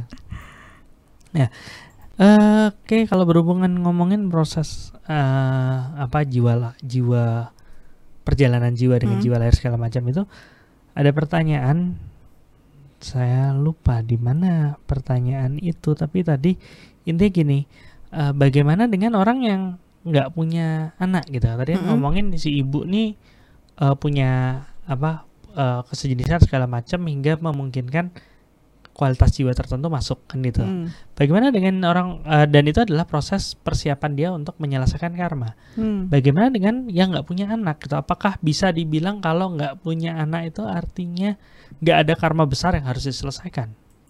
Ya, em, kalau itu sih jawabannya relatif ya. Ada ada memang saya amati eh, pasangan suami istri yang ingin punya anak gitu ya. Tapi ternyata saya melihat mereka jiwa yang tua dan dan memang eh, proses belajarnya mereka di past life udah banyak anak dan sebagainya ndak perlu anak ndak perlu bayar karma yang besar. Ada yang seperti itu. Ya, Jadi istilahnya dia hanya terakhir aja begitu dia menyelesaikan ya udah jiwanya udah kembali pulang udah nggak terlahir lagi. Tapi ada juga yang tila, eh, kelihatannya saat ini tidak punya anak ya sudah berupaya ke sana ke sini. Tapi ternyata mereka ada di kehidupan saat ini tuh eh, program negatif yang menghambat karena tidak suka ya. Ada kan yang tidak suka kalau punya anak punya keturunan biar biar tidak punya keturunan itu ada juga karena eh, ulah manusia manusia sakti yang pingin seperti itu. Ada yang kayak gitu oh tuh? banyak banyak. banyak. oke. Kayak Kalau- harus hmm. dibahas nanti Oh, salah satu. kalau sudah begitu nyerempet ke situ kok ya seneng ya Yang nggak tahu. buka-buka Ki- Kita fokus dulu, fokus dulu. Nah, ada juga yang mereka sudah menikah gitu ya ternyata ada kutukan yang mereka bawa dari past life menghambat untuk tidak bisa punya anak begitu kutukan itu dibersihkan mereka akhirnya punya anak ada yang mereka uh, melakukan ya. Ini uh, di past life hal-hal yang negatif ya. Kemudian di kehidupan saat ini dia menebusnya menebus itu menyadari kesalahannya dan memperbaiki. Bahkan beberapa mereka function seperti melepas belut, melepas burung kayak tadi kan ada di uh, munduk itu juga kita juga melepas burung dengan tujuan ya membebaskan lah dari proses itu. Eh, nggak taunya yang dikatakan dokter sudah mustahil tidak bisa hamil. Dari semua upaya yang mereka lakukan akhirnya bisa hamil. Gitu. Yang dokter bilang mustahil tidak bisa ternyata bisa. Bisa juga. Jadi semua tergantung dari um, karma yang mereka bentuk ada juga yang memang nggak bisa karena ada kelemahan ya. tertentu ada ada juga. Tidak nah, bisa dipukul rata berarti. Tidak bisa dipukul rata karena setiap manusia itu unik dengan rekaman jiwanya masing-masing. Jadi nggak bisa ah pasti karena ini tidak. Makanya dengan soul matter ini kita bisa detail ya mencari sumber daripada permasalahan tersebut. Jadi ingat itu Bunda. Apa uh, waktu karma reinkarnasi yang season 1 kan ada tuh yang gak punya anak apa salahku buat ya, ini itu benar benar. Dia, dia cerita segala macam hmm, prosesnya. hmm. mungkin bagi bapak ibu yang belum nonton tonton itu menarik banget. Hmm. terus abis itu banyak banget yang hubungin bunda bilang e, bunda uh, kak saya juga sama ya prosesnya seperti itu ya? Ya berbeda ya. Jadi nggak bisa sama karena setiap uh, perjalanan itu bagian dari perjalanan jiwanya beda-beda. Gitu. Jadi nggak bisa pukul sama rata. Nah terus tapi ini kan bun banyak sekali orang ya namanya manusia ya. Hmm. manusia itu kan banyak maunya hmm. pengen ini pengen itu segala macam Doraemon ya iya Doraemon, Doraemon, bukan, Doraemon manusia. bukan manusia sih gitu cuman maksudnya benar juga aku ingin uh, begini apa, aku ingin begini nih namanya manusia pengen apa uh, dia pengen uh. pengen apa yang sesuai dengan apa yang diinginkan kan gitu iya. salah satunya mungkin punya keturunan walaupun secara uh, secara karma misalnya hmm. nggak hmm. ada uh, untuk punya keturunan tapi dia melakukan hal-hal tertentu untuk bisa punya keturunan gitu mm -hmm. atau mungkin secara ini sebenarnya dari pertanyaannya Pak Bayu hmm. tapi ini udah ketemu ya pertanyaannya iya tadi ditanyainnya hmm. di di grup Telegram langkah awal mengenal jati diri oh, grup Telegram ya. khusus untuk teman-teman yang yang udah sudah ikut, ikut langkah awal, awal mengenal jati, jati diri. diri mungkin yang belum apa yang belum ikut bisa langsung cek di jatidiri.online hmm. uh, apakah mungkin setelah selain pemetaan alam untuk proses kelahiran, selanjutnya dapat disabotase oleh kegelapan sehingga yang harusnya lahir di orang tua X malah justru tertukar atau mungkin e, secara karma dia nggak ada harusnya nggak punya anak tapi disabotase dengan kekuatan lain yang lebih besar sehingga dia punya anak. Nah seperti itu mungkin nggak sih? Mungkin. Jadi makanya ada di kitab-kitab dinyatakan berserahlah hanya kepadaku tidak menduakan Tuhan istilahnya mengabdi pada kekuatan yang lain. Karena kekuatan yang lain itu memungkinkan juga untuk menghadirkan eh, anak bagi bagi banyak orang. Buktinya ada banyak orang yang minta anak di bermeditasi di suatu tempat minta anak di tempat tersebut.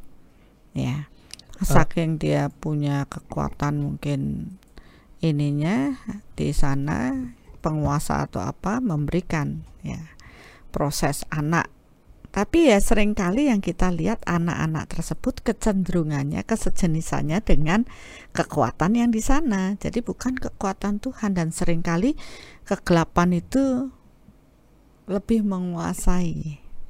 Tapi kan secara manusianya, secara dia ngerasa, loh dulu saya udah berusaha segala macam, tapi hmm. di sini saya bisa dapatkan. Iya, boleh-boleh aja. Itu kan pilihan bebas. Tapi ya ingat, uh, yang begitu-begitu bukan atas uh, sesuai dengan hukum Tuhan biasanya permasalahannya akan jauh lebih banyak. Entah itu nanti ya yang saya temukan banyak yang uh, karakternya buruk ya orang tuanya setelah anaknya besar baru bingung kenapa anak saya begini begitu? Setelah ditelusuri oh ternyata pernah ya minta di kekuatan lain selain kekuatan Tuhan. Iya. Dan yang hmm, istilahnya memasuki itu adalah kekuatan yang kurang baik. Ya bisa aja kenapa enggak sih? Manusia gitu loh sekarang sakti-sakti kekuatan-kekuatan gelap juga me mensuplai keinginan manusia jadi kenapa di kitab dikatakan jangan menduakan Tuhan mengarahkan hanya kepadaku? Boleh boleh kenapa tidak? Aku bebaskan manusia untuk memilih jalan. Mau jalan lewat ke sini lewat ke situ tapi bukan itu yang aku ajarkan. Yang jalan kebenaranku lah yang aku berikan. Itu untuk mereka yang mencari jalan kebenaran Tuhan mau jadi penyembah iblis penyembah dajjal penyembah Lucifer atau apa tuh namanya boleh-boleh saja nggak ada yang maksa ini bukan ngomongin yang akunnya tulisannya penyembah iblis oh iya Soalnya ada. Oh, nih. ada ya. ada gitu. Oh iya, ya sebaiknya ganti nama ya. Nanti masalahnya eh, nama itu penting. Karena dari nama itu menjadi suatu afirmasi yang terus-menerus. Kalau ingin mengarah pada Tuhan ya jangan menjadi menuliskan nama penyembah iblis. Karena secara energi akan kekuatan iblis akan menarik. Jadi sulit untuk mengarah pada kebenaran Tuhan. Ya, jadi kenapa nama itu bukan sesuatu sekedarnya saja, bahkan beberapa orang keberatan dari nama ada ya ini masalah anak-anak juga. Jadi orang tuanya pingin semua dewa-dewi dikasih nama, akhirnya jiwa ini berat dengan nama tersebut dan akhirnya ya. terpuruk. Kalau yang jiwa namanya berat tuh misalnya kayak namanya tronton, enggak ya? Oke. Okay.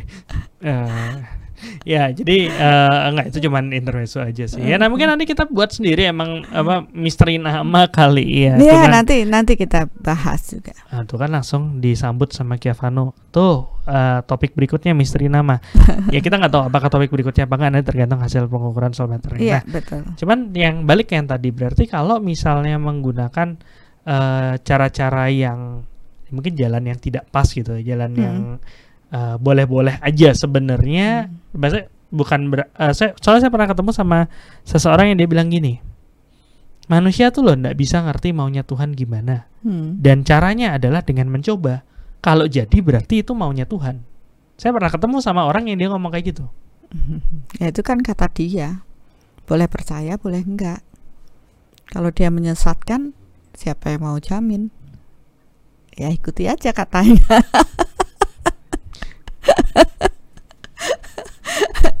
Emangnya gue pikirin. ya itu tetap balik lagi ya, Keba balik kebenaran pilihan. bertingkat ya. Ya kebenaran bertingkat, ya ada masalah. Tapi bagi mereka yang berkesadaran tentu akan memilah dan belajar untuk eh, menjadi lebih bijaksana dalam memilih. Ya bahkan seorang yang bijaksana untuk bisa memilih itu adalah seseorang yang luar biasa. Bukan orang biasa gitu luar biasa. Tapi kalau pilihannya benar? Ya. Cuman caranya tahu pilihannya benar apa enggak gimana? Belajar soal meter. Tapi belum ada workshopnya? Ya sabar. Kalau diuji sabar aja masih emosi gimana mau tahu kebenaran Tuhan makanya saya saya sih tenang-tenang aja saya kan cuma mengajarkan saja sesuai dengan alam ini ya, kesejenisan kalau mereka layak untuk paham dengan kebenaran Tuhan ya ujuk-ujuk datang ya bisa aja langsung. Pas nggak ada ppkm dan pas bisa semua nggak ada hambatan. Itu kan karma karma ya tergantung karmanya. Makanya saya tidak tidak terlalu pusing atau terlalu apa ya simpati gitu ya terlalu berlebihan ya, ya sudah mengalir aja karena segala sesuatu prosesnya itu ya merupakan jalan Tuhan karena kita meniatkan demikian.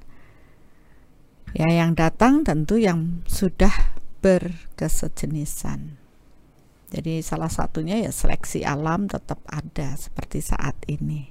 Ya, saya jadi ingat itu uh, ada satu orang yang dia harusnya ikut kelas mana gitu, uh, kelas workshop yang mana, tapi habis Hmm. itu dia udah nyoba pada saat itu tiba-tiba uh, dia nggak bisa datang kan setelah dia, dia Hmm. ngerasa nggak nyaman segala macem, terus dia akhirnya ikut kelas yang Kelas berikutnya. berikutnya. Ternyata dia sama kelas berikutnya tuh klop banget gitu, Iya. bahkan ada kesejenisan di situ. Mm-mm. Ya, berarti ya itu ya apa ya?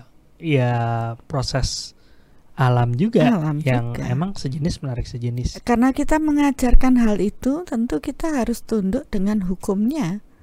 Nggak bisa kita ego mau menjeniskan banyak orang memilihkan supaya kamu sama ini sama gini. Ya biarkan saja ke karma-karma mereka yang menjeniskan. Banyak yang pengen belajar, saya pengen belajar bunda soal meter, tapi harus begini, harus begini. Ya berarti sudah tidak berkesejenisan karena banyak tapinya. Tapi, tapi, tapi, tapi, tapi, tapi. berarti ada penolakan yang ini, penolakan yang itu, penolakan ini, penolakan itu. Dia nggak berserah. Banyak tapi, tapi. Asal nggak tapi, kalau tapi enak. Tapi Kenapa bisa jadi tapi? Oke. Ya. Waduh, ini baru bilang selamat malam Bunda Malaysia hadir. Waduh, Tuh, terima di Indonesia kasih, lagi Malaysia. PPKM darurat. Di Malaysia gimana ya? Iya, ya mudah-mudahan di sana baik-baik saja. Oke, balik lagi. Jadi tadi Hmm. eh, ngomongin tentang sabotase segala macam itu. Hmm. Nah, kalau yang tadi dibilang sama eh, Pak Bayu tuh mungkin juga yang harusnya secara kesejenisan dia masuk di sini. Mm-mm. Tapi karena ada intervensi jadi nggak jadi masuk. Itu mungkin. Mungkin, mungkin. Atau masuknya ke tempat lain. Salah alamat. Kalau salah alamat nggak mungkin. Salah alamat nggak mungkin. Tapi Ya. kalau Terhambat, untuk Terhambat. masuk, eh, ada sabotase, dia nggak jadi masuk ke sini, ya dia masih nunggu. Kalau ada kesejenisan lagi, ya bisa siapa tahu hamil berikutnya ya dia masuk.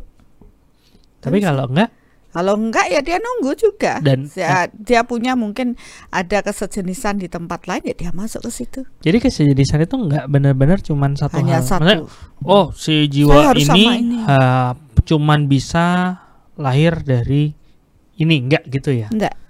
Karena apa? Banyaknya benih-benih karma yang dibawa oleh jiwa. Ini kan ada radar khusus yang oh ini ada kesejenisan di kesehatan misalkan. Maka karena dia itu punya rekaman sakit-sakitan.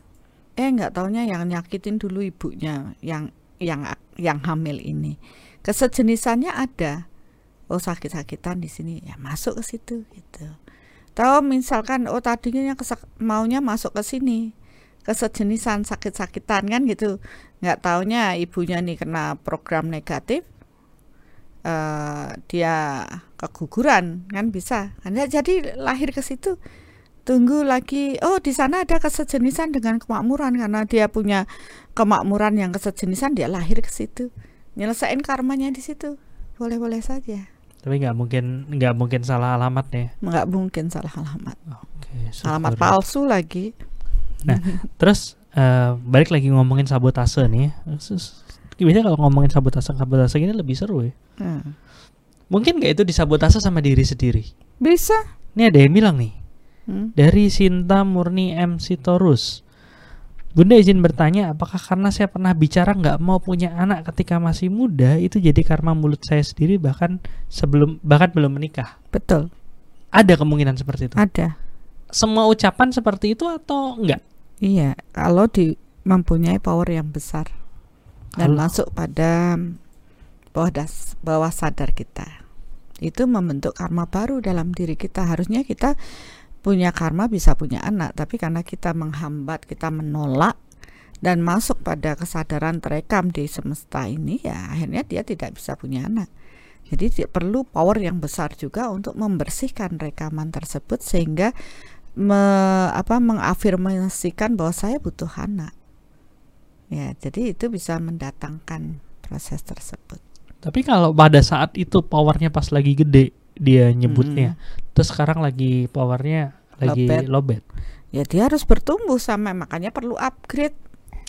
Manusia itu sebenarnya perlu meningkatkan kesadaran jiwanya dan power energinya terupgrade. Begitu kesadarannya dia bertumbuh, power energinya naik. Ada kesadaran baru tumbuh, powernya naik gitu. Apalagi power menuju kekuatan Tuhan semakin tinggi kesadarannya, kesadaran jiwanya semakin tinggi power kebersatuan dengan Tuhannya. Oke, Ini menarik. sih. upgrade power. Satu kegelapan dilepaskan, cahaya terang Tuhan tambah gelapnya lagi sampai akhirnya kesadaran murni roh ini benar-benar memancar. Tidak lagi dilingkupi oleh kegelapan. Berarti kesada apa roh ada kesadaran-kesadaran-kesadaran dan nggak semua kesadarannya murni. Kesadaran jiwa akhirnya Kesadaran, terekam nah, menjadi kesadaran jiwa. Jadi jiwa. Yang murni ada di tengah. Yang tengah nih kesadaran murni, di sini kesadaran apa kesadaran kegelapan kesadaran butek. ya butek kesadaran tidak murni, abu-abu abu-abu. gelap Nah, terus tergantung nah pada Ya. saat perjalanan jiwa ada dua kemungkinan. hmm. Dia lahir sudah bawa eh, kesadaran Rekaman jiwa. rekaman jiwa itu. Mm-mm. Terus ada dua kemungkinan. Satu ditambahi butek apa tambahin ditambah tambah gelap atau atau tambah terang tambah terang. nanti makin lama kan tujuan pembelajaran jiwa itu kan dari butek dulu karena mulai dari jiwa anak-anak remaja pasti dia belum belum kesadarannya belum banyak mengarah pada kebenaran Tuhan masih semau gue karma buruknya masih banyak masih kegelapannya masih banyak begitu ada kesadaran numbuh sampai jiwa dewasa dia mulai melepas kegelapan mulai belajar sampai jiwa tua mulai lebih banyak lagi terlepaskan. Upgrade terus cahayanya di dalam diri sampai apa kesadaran murni ini bercahaya terang. Nggak ada lagi istilahnya kegelapan di dalam dirinya. Barulah kesejenisan sejenis menarik sejenis secitra dengan Tuhan. Akhirnya dia bisa kembali pulang. Itu aja pelajarannya. Tapi melakukannya reinkarnasi reinkarnasi. Nggak selesai selesai. Apalagi pada saat kita lupa gitu ya, Hmm. apa nggak me nggak nuntut nggak naikin ilmu kita nggak nuntut ilmu kita banyak kan nanti salah mikir ya akhirnya malah tambah. Jangan salah, kan mungkin di kehidupan dulu kita sudah sampai yang tingkatan kesadaran jiwa yang tinggi, terus tiba-tiba kesombongan dan ego kita itu meningkat, akhirnya terjadi kejatuhan spiritual, naik lagi pelan-pelan, butuh waktu lagi menghabiskan waktu yang panjang. ini ada yang nanya power bisa naik turun dalam sekejap? Bisa ya? Bisa. proses tadi yang udah Hmm, bilang benar. Itu namanya kejatuhan spiritual. Itu Untuk nama- bangkit lagi ya perlu kesadaran lagi, oke ya dan mengenal diri lagi ya mengenal diri lagi. mengenal diri pelan-pelan seperti Iya. itu ya oke Oke. sih sebenarnya bahasan hari ini seperti udah cukup dah Sudah banyak sekali. Apot deh. Ya, ini sudah di luar dari di luar dari apa yang saya buat oh, apa yang kita mau berikan. Tapi ya begitulah mungkin jalan Tuhan ya. Mungkin Bapak Ibu karena kita paham ya. eh apa ya, ketika orang membutuhkan pasti ya itu tadi ketika murid siap pembelajaran akan datang. Bagi logika kita mungkin kebutuhan kita bahas yang ini aja. Tapi begitu banyak yang menonton itu membutuhkan eh, apa pembelajaran yang lebih tinggi dan mereka siap, maka bisa-bisa aja pada saat kita membicarakan hal ini itu terbahaskan, terselesaikan, mengalir begitu saja. Karena kita kan hanya sebagai saluran saja. Dan Tuhan akan memberikan juga jawaban-jawaban yang membuat kita memahami Kenapa bisa tersi- terjadi begitu? Karena Bapak Ibu juga meniatkan untuk bertumbuh. Ya, saya udah merinding nih. Bahaya kalau diterusin lagi. ya, terima kasih buat Bapak Ibu yang sudah meniatkan untuk bertumbuh. Mari bertumbuh bersama. Tarbun. Kok belum ya? sebenarnya udah mau nutup cuman ada satu satu komen yang agak menggelitik dan mungkin ya nggak tahu sih saya tanyain aja mudah-mudahan nanti bunda jawabnya ada dari Gusti Antok Hmm. Mohon maaf ya kalau salah sebut nama ya. Benar ya bunda, dulu anak saya sering sakit, akhirnya saya sering minta kepada Tuhan untuk pindahin penyakitnya. Setelah sekian tahun saya harus menerima karma itu sakit-sakitan. Bisa gitu toh? bisa juga mau mindahin ya karena permintaannya dipindahkan ya bisa aja afirmasinya dia sakitnya dipindahkan banyak orang tua mengatakan aduh Tuhan kasihan anak saya biarkan saya yang merasakan sakitnya pada saat itu tapi kan dalam proses tidak seketika itu prosesnya terjadi. Mungkin seperti tadi bapaknya tadi. Begitu lama apa yang mereka apa yang dirasakan anak ini dirasakan oleh bapaknya. Dan akhirnya bapaknya sakit-sakitan. Bisa aja. Padahal dia tidak punya benih karma tersebut. Bisa aja karena terus diafirmasi.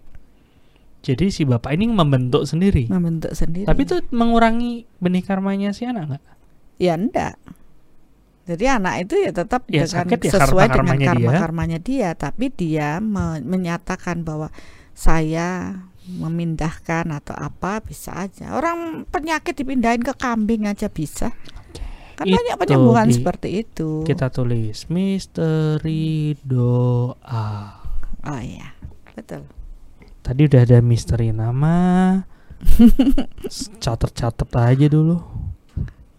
Ya. banyak nanti kalau sudah semua Nah, udah semua. ngusul Ah, nah, ya, biar saya nggak bingung juga nyatetnya, tolong ditulis di komen, ya. Tapi jangan di komen, jangan di top, jangan di chat. Kalau di chat nanti eh, susah untuk lihatnya lagi. Tapi di komen itu akan lebih, kita bisa lebih baca-baca lagi.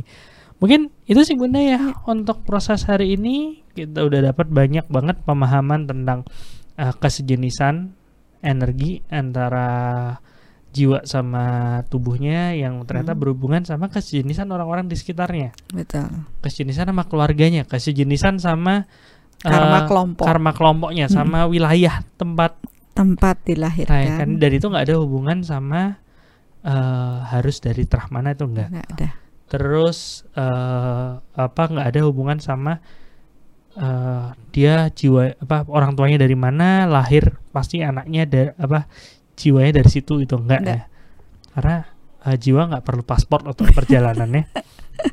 Iya Oke. nggak nggak perlu surat vaksin Sertifikat vaksin nggak perlu. ya, surat nggak perlu PCR Ah, untuk melakukan perjalanan nggak seperti ppkm saat ini kan karena ppkm untuk yang berfisik. fisik ya Kalau jiwa doang nggak. enggak Saya ya, bisa terbang aja menarik.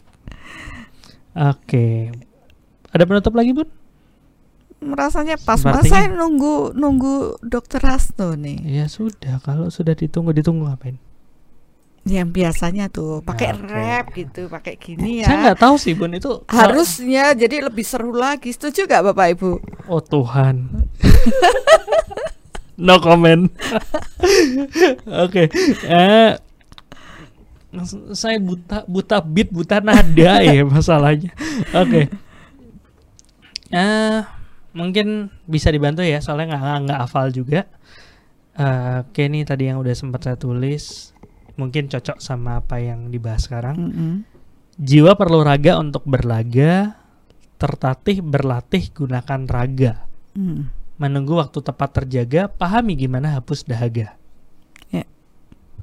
Cocok ya.